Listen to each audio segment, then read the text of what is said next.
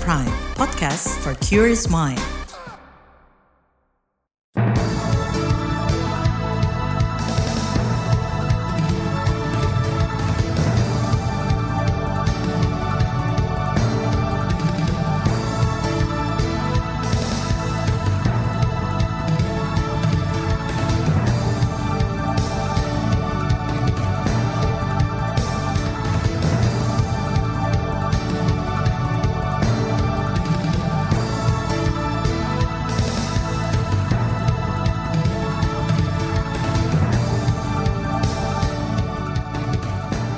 Selamat pagi saudara, berjumpa kembali dalam Buletin Pagi edisi Selasa 19 Desember 2023. Saya Naomi Liandra. Sejumlah informasi pilihan telah kami siapkan di antaranya COVID-19 melonjak, pemerintah gencarkan vaksinasi. KPU umumkan format debat perdana Cawapres. Bencana banjir landa Aceh dan Sumatera Barat. Inilah Buletin Pagi selengkapnya. Terbaru di Buletin Pagi. Saudara, pemerintah menggenjot vaksinasi COVID-19 imbas kenaikan kasus virus corona di tanah air. Wakil Presiden Ma'ruf Amin meminta masyarakat segera melakukan vaksinasi COVID-19. Menurutnya vaksinasi merupakan yang terpenting di samping juga tertib protokol kesehatan seperti penggunaan masker. Apa namanya prokesnya itu kita mulai tetapi tentu kita ukur dengan besarnya perkembangan COVID itu. Dan yang penting adalah vaksinasinya yang belum supaya divaksinasi untuk uh, apa namanya menciptakan kekebalan. Nah, selanjutnya belum ada langkah-langkah yang nanti saya kira kalau itu sudah membesar akan ada uh, ratas yang akan membahas secara detail tentang masalah COVID. Wapres Maruf Amin memastikan pemerintah terus memonitor perkembangan kasus di sejumlah daerah. Kata dia, saat ini belum ada upaya khusus untuk pengendalian COVID-19. Sebelumnya beberapa daerah mengaku kehabisan stok vaksin COVID-19. Seperti pada pekan lalu, Dinas Kesehatan Balikpapan, Kalimantan Timur mengungkapkan nihil vaksin COVID-19. Menurut Kepala Bidang Pencegahan dan Pengendalian Penyakit Menular P2P, Dinkes Balikpapan Ahmad Jais, beberapa fasilitas kesehatan urung melayani penyuntikan stoknya ini kami masih menunggu dropping dari pusat ke provinsi. Nanti kalau sudah ada di provinsi baru didistribusi lagi ke kabupaten kota. Kabit Pencegahan dan Pengendalian Dinkes Balikpapan Ahmad Jais mengatakan saat ini capaian vaksinasi dosis 1 hingga 4 mencapai 72 persen atau 1,5 juta jiwa di Balikpapan. Sementara vaksinasi booster masih sangat rendah sekitar 4 persen atau 18 ribuan jiwa saja. Sementara itu juri bicara Kementerian Kesehatan Siti Nadia Tarmizi mengatakan telah mengeluarkan surat edaran kepada pemerintah daerah untuk segera melakukan permintaan stok vaksin di pusat untuk terhindar dari kekosongan stok. Saat ini kata dia Kemenkes memiliki 4,1 juta dosis vaksin. Kemenkes kata Nadia juga terus melakukan edukasi dan sosialisasi kepada masyarakat untuk melakukan vaksinasi selama masih gratis. Bahkan pada kasus-kasus kelompok yang beresiko itu masih bisa menimbulkan kematian. Oleh karena itu, dimanfaatkan kesempatan yang ada saat ini untuk segera melengkapi sampai dengan dosis ke-5 bahkan ya. Cara yang belum dosis kedua dilanjutkan dosis keduanya, yang belum booster satu lanjut booster satu, yang belum booster kedua lanjut booster. Bahkan yang sudah pernah lengkap sampai booster kedua bisa mendapatkan vaksinasi ulangan secara gratis ya sampai dengan 31 Desember. Jadi uh, kita manfaatkan peluang ini ya untuk kemudian menambah proteksi diri kita sendiri. Juri bicara Kemenkes Siti Nadia juga mengingatkan pentingnya vaksinasi kepada masyarakat dengan risiko tinggi. Sebab kata dia virus corona masih berbahaya dan mematikan pada kalangan lansia hingga penyakit penyerta atau komorbid. Sebelumnya Menteri Kesehatan Budi Gunadi Sadikin menuturkan bahwa kenaikan kasus COVID-19 menjadi momen yang tepat untuk masyarakat segera melakukan vaksinasi. Terlebih kata dia, pemerintah rencananya akan menerapkan vaksin berbayar mulai awal tahun 2024. Senada disampaikan anggota Komisi 9 Bidang Kesehatan DPR fraksi PDIP, Rahmat Handoyo, yang mendorong masyarakat agar segera melakukan vaksinasi COVID-19 khususnya bagi kelompok rentan. Rahmat meminta masyarakat segera melengkapi vaksin primer maupun penguat atau booster agar terhindar dari penularan dan kefatalan akibat COVID-19 berulang kali kita sampaikan pemerintah juga berulang kali menyampaikan agar yang belum di perusahaan segera menuju ke fasilitas kesehatan, mumpung gratis, nunggu apa lagi mumpung gratis ini gitu loh. Nah kemudian bila nanti awal tahun sudah digratiskan, tetap dia akan biayai oleh eh, negara melalui BPJS Kesehatan bagi yang menjadi peserta BPJS. Itu tadi anggota Komisi 9 Bidang Kesehatan DPR, Rahmat Handoyo. Sementara itu epidemiolog dari Universitas Erlangga, Windu Purnomo, menilai masyarakat kerap lalai melakukan vaksinasi. Sebab ia menyebut hingga kini capaian vaksinasi masih jauh dari target kalau masyarakat tidak memanfaatkan ya, ya uang itu akan hilang begitu saja. Kenapa? Karena kedaluarsa gitu, terbuang kan, bukan barang murah gitu vaksin itu kan. Nah itu jadi kalau memang ini masyarakat ini ayo harusnya terus diedukasi untuk mau memanfaatkan gitu. Tapi itu masih ada gitu. Kalau kalau hilang gitu nggak apa-apa lah, nggak vaksinasi sampai tuntas gitu ya. Tapi kan masih ada ya dan yang belum vaksinasi sama sekali masih masih sekitar 20 persen lebih loh sama sekali itu ya yang dosis satu aja enggak itu dan itu orang yang yang sangat berisiko tinggi lah itu yang sama sekali tidak vaksinasi itu. Epidemiolog Unair Windu Purnomo meminta pemerintah tetap menggratiskan vaksinasi masyarakat rentan dan komorbid dengan mekanisme pembiayaan dari pemerintah jika nantinya diputuskan berbayar pada tahun depan. Kementerian Kesehatan mencatat hingga kemarin capaian vaksinasi dosis pertama mencapai 203 juta atau 86 persen, dosis kedua 174 juta atau 74 persen, dosis ketiga di 70 juta atau 39 persen, dan dosis keempat hanya 3,6 juta atau 2 persen.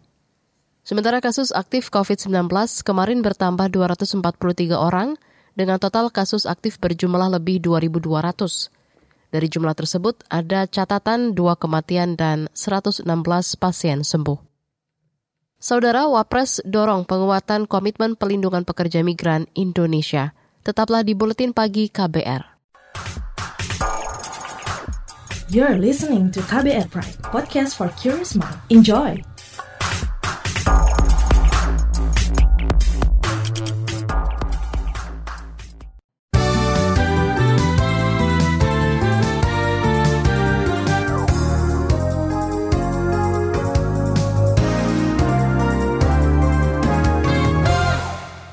Anda sedang mendengarkan buletin pagi KBR. Pemerintah berkomitmen menekan angka penempatan ilegal tenaga kerja Indonesia. Wakil Presiden Ma'ruf meminta instansi berwenang lebih serius memerangi tindak pidana perdagangan orang TPPO. Serius memerangi TPPO yang sejatinya bertentangan dengan hak asasi manusia. Sebarluaskan kepada rekan, keluarga, dan tetangga tentang risiko bekerja ilegal dari TPPO seperti risiko kekerasan, gaji tidak dibayarkan, eksploitasi jam kerja, dan bahkan dijual belikan antar majikan. Wapres Maruf Amin mendorong kerja gugus tugas pencegahan dan penanganan TPPO terus diperkuat untuk memberikan pelindungan bagi para pekerja migran Indonesia PMI. Sebelumnya Kementerian Luar Negeri mencatat lebih 1.200 PMI non-prosedural yang kasusnya ditangani oleh perwakilan RI di ASEAN. Angka ini naik 700 persen dari tahun sebelumnya. Kabar Pemilu Kabar Pemilu Komisi Pemilihan Umum KPU menyediakan podium bagi kandidat pada rangkaian debat Pilpres berikutnya. Ketua KPU RI Hashim Asyari mengatakan podium sederhana disediakan berdasar evaluasi dan kesepakatan dengan semua tim paslon. Debat cawapres yang akan berlangsung Jumat malam sama dengan format debat calon presiden pekan lalu.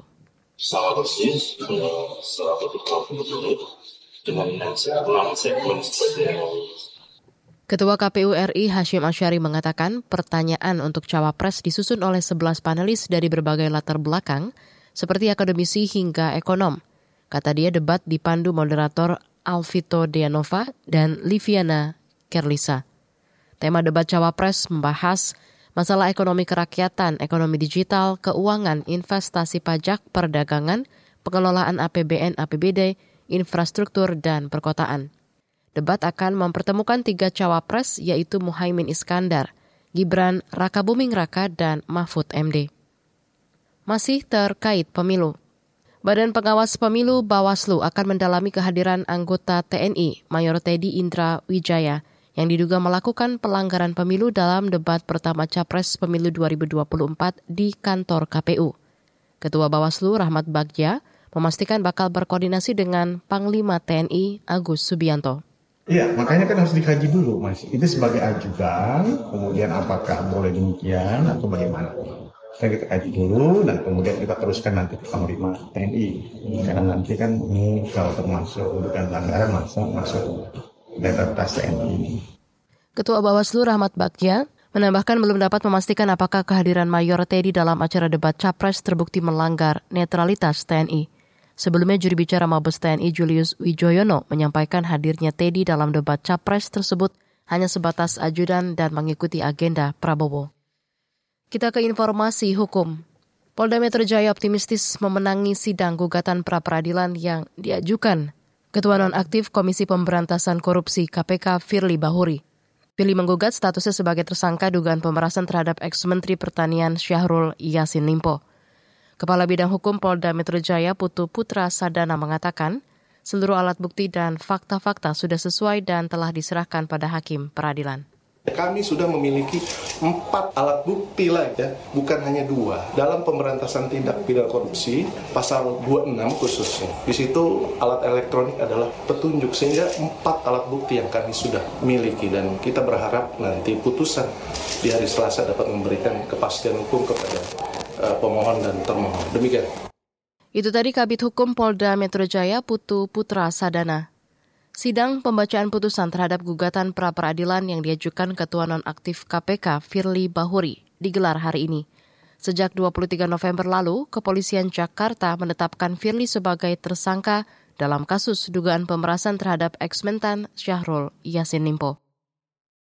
Kita ke soal lain. Badan Pencarian dan Pertolongan Nasional Basarnas akan fokus pada tiga titik wilayah mengantisipasi kejadian pada libur Natal 2023 dan Tahun Baru 2024. Menurut Kepala Basarnas Kusworo, ketiga titik itu di antaranya penyeberangan Bakauheni di Lampung, tol Kali Kangkung di Jawa Tengah, dan penyeberangan Ketapang Gilimanuk, Bali. Itu secara secara kekuatan alut darat, alut laut, dan udara kita siapkan secara keseluruhan. Walaupun dia bisa e, dinamis, bergerak. Tetapi secara keseluruhan, seluruh kansar di Indonesia kita siap.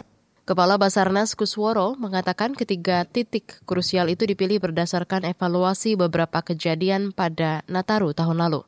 Basarnas, kata dia, akan menyiapkan 2.500-an personil di lapangan. Sebelumnya pemerintah memperkirakan akan ada pergerakan seratusan juta orang saat momen libur Nataru. Puncak mudik diperkirakan pada Jumat pekan ini. Kita ke berita ekonomi. Badan Pangan Nasional Bapanas menyebut ada empat provinsi yang belum tersentuh bantuan pangan beras di bulan ini. Temuan itu diungkap Deputi Bidang Penganekaragaman Konsumsi dan Keamanan Pangan Bapanas, Andriko Noto Susanto, saat rapat koordinasi pengendalian inflasi kemarin. Jadi yang perlu mendapat perhatian adalah masih terdapat empat provinsi yang penyaluran bantuan pangannya masih 0% untuk bulan Desember, di antaranya Papua Tengah, Papua Selatan, Papua Pegunungan, dan Papua eh, Barat. Ini mohon kawan-kawan dari Bulog untuk segera merealisasikan eh, bantuan pangan di empat provinsi tersebut. Deputi Bidang Penganekaragaman, Konsumsi dan Keamanan Pangan Bapanas Andriko Noto Susanto menjelaskan, realisasi bantuan pangan beras tahap 1 sudah mencapai 100 persen hingga 15 Desember 2023. Sedangkan untuk tahap 2 masih 92 persen. Dia menjamin program bagi-bagi beras tahap 2 bakal rampung akhir tahun ini. Keberita mancanegara, Menteri Luar Negeri Cina Wang Yi dan Wakil Menlu Korea Utara Pak Mong Hyo melakukan pembicaraan tingkat tinggi di Beijing pada Senin waktu setempat. Mengutip Reuters, pembicaraan itu digelar bersamaan dengan uji coba peluncuran rudal Korut yang mampu mencapai lokasi mana pun di Amerika Serikat.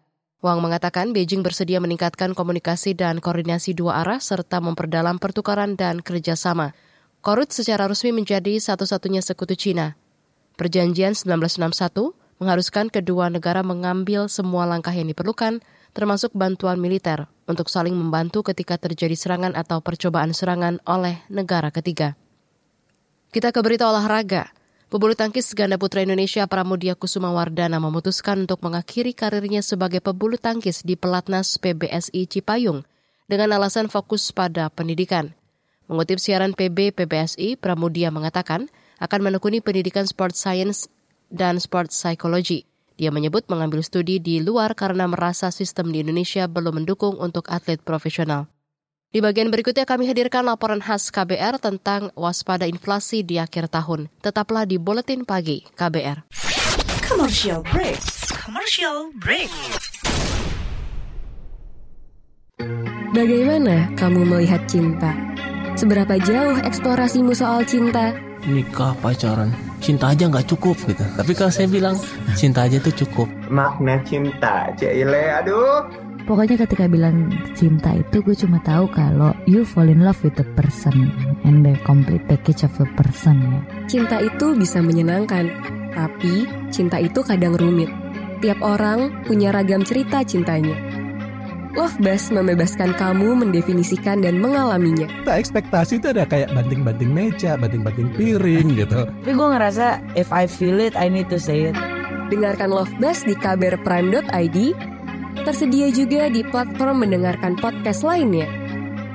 Love Buzz membicarakan perkara yang tidak dibicarakan ketika berbicara perkara cinta.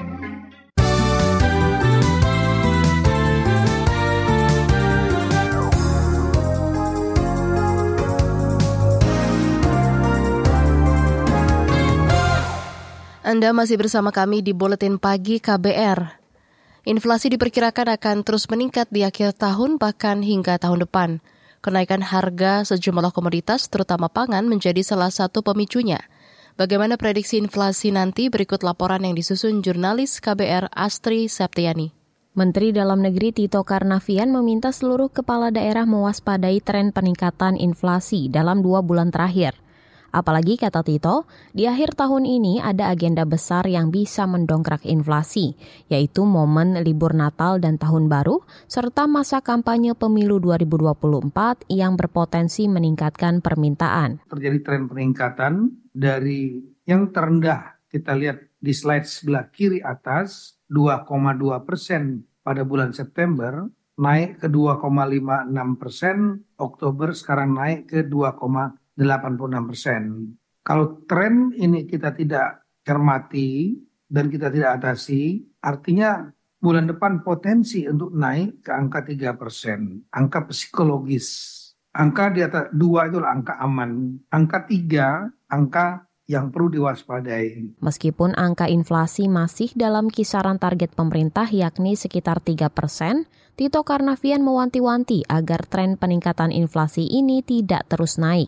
Badan Pusat Statistik atau BPS menyebut inflasi selalu terjadi pada bulan Desember selama lima tahun terakhir. Deputi Bidang Statistik Distribusi dan Jasa BPS Puji Ismartini mengatakan ada sejumlah komoditas yang berpotensi mengalami inflasi di bulan Desember, salah satunya cabai rawit. Sementara cabai rawit ini juga selalu terjadi inflasi pada bulan Desember. Inflasi cabai rawit pada Desember 2021 ini relatif lebih tinggi dibandingkan dengan uh, bulan uh, lainnya. Jadi kita lihat pada Desember 2021 inflasi cabai rawit mencapai 85,98 persen, sedangkan di Desember 2022 mencapai 15,77 persen. Selain cabai rawit, Sejumlah komoditas lainnya yang berpotensi mengalami inflasi atau kenaikan harga adalah telur ayam ras, daging ayam ras, dan cabai merah. BPS mencatat inflasi pada November lalu sebesar 0,38 persen secara bulanan. Dengan perkembangan ini, inflasi tahun ke tahun mencapai 2,86 persen dan inflasi tahun kalender sebesar 2,19 persen. Awal Desember lalu, Menteri Perdagangan Zulkifli Hasan mengklaim harga-harga stabil kecuali cabai rawit. Harga cabai rawit merah bahkan tembus Rp120.000 per kilogram atau hampir tiga kali lipat dari harga acuan pemerintah. Ini semua masih stabil, beras juga stabil tapi tinggi, belum turun. Hanya memang cabai, tadi kita juga minta kalau banyak, ya nanti angkutnya itu bisa disubsidi oleh pemerintah daerah.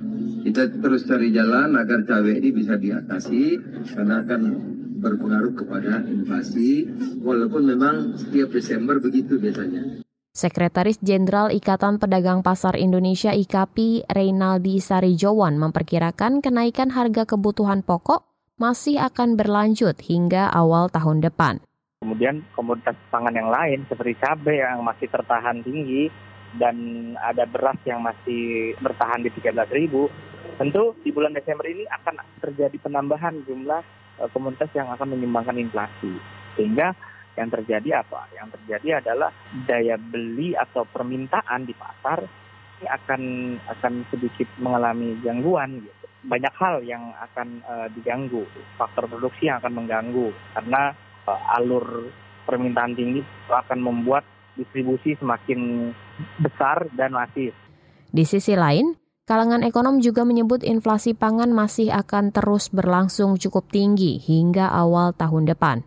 Direktur Eksekutif Lembaga Kajian Ekonomi Indef Tauhid Ahmad menilai langkah jangka pendek yang diambil pemerintah untuk meringankan beban masyarakat seperti pemberian bantuan sosial belum cukup efektif karena tidak merata. Iya, sebenarnya pemerintah sudah lakukan upaya untuk uh, bansos ya, tapi uh, nilainya masih kurang. Uh, problemnya adalah yang paling miskin 10% uh, terbawa dari penduduk kita atau desil 10.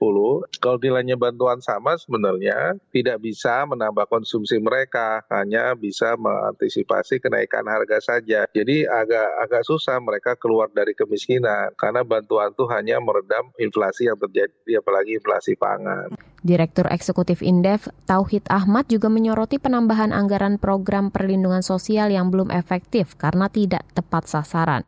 Tauhid mengatakan, jika kenaikan harga terjadi dalam periode yang lama, maka akan memperlambat upaya penurunan angka kemiskinan. Demikian laporan khas KBR, saya Astri Septiani. Informasi dari berbagai daerah akan hadir usai jeda. Tetaplah bersama Buletin Pagi KBR. You're listening to KBR Pride, podcast for curious mind. Enjoy!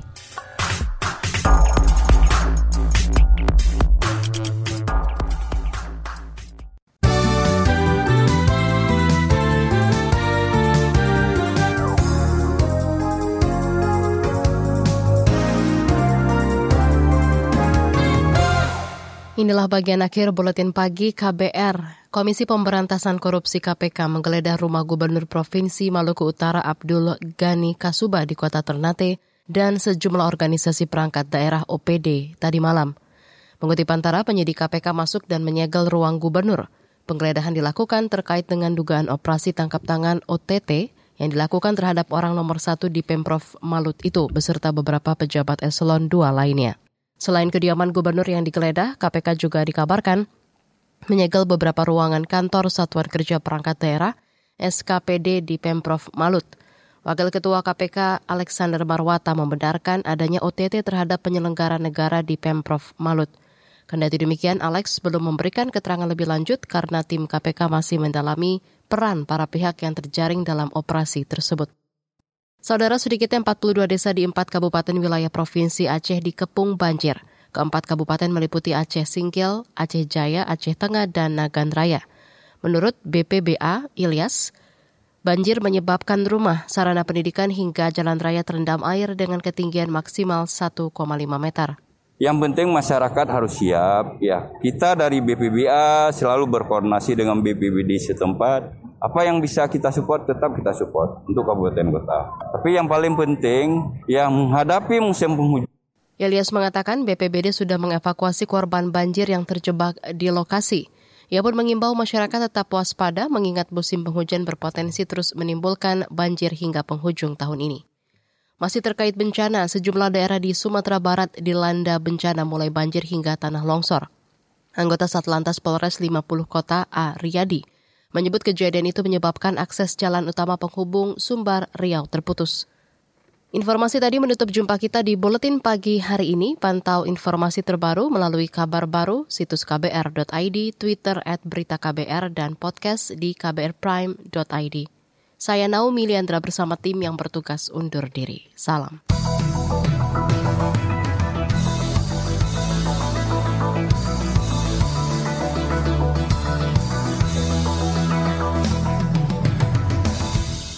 KBR Prime, cara asik mendengar berita. KBR Prime, podcast for curious mind.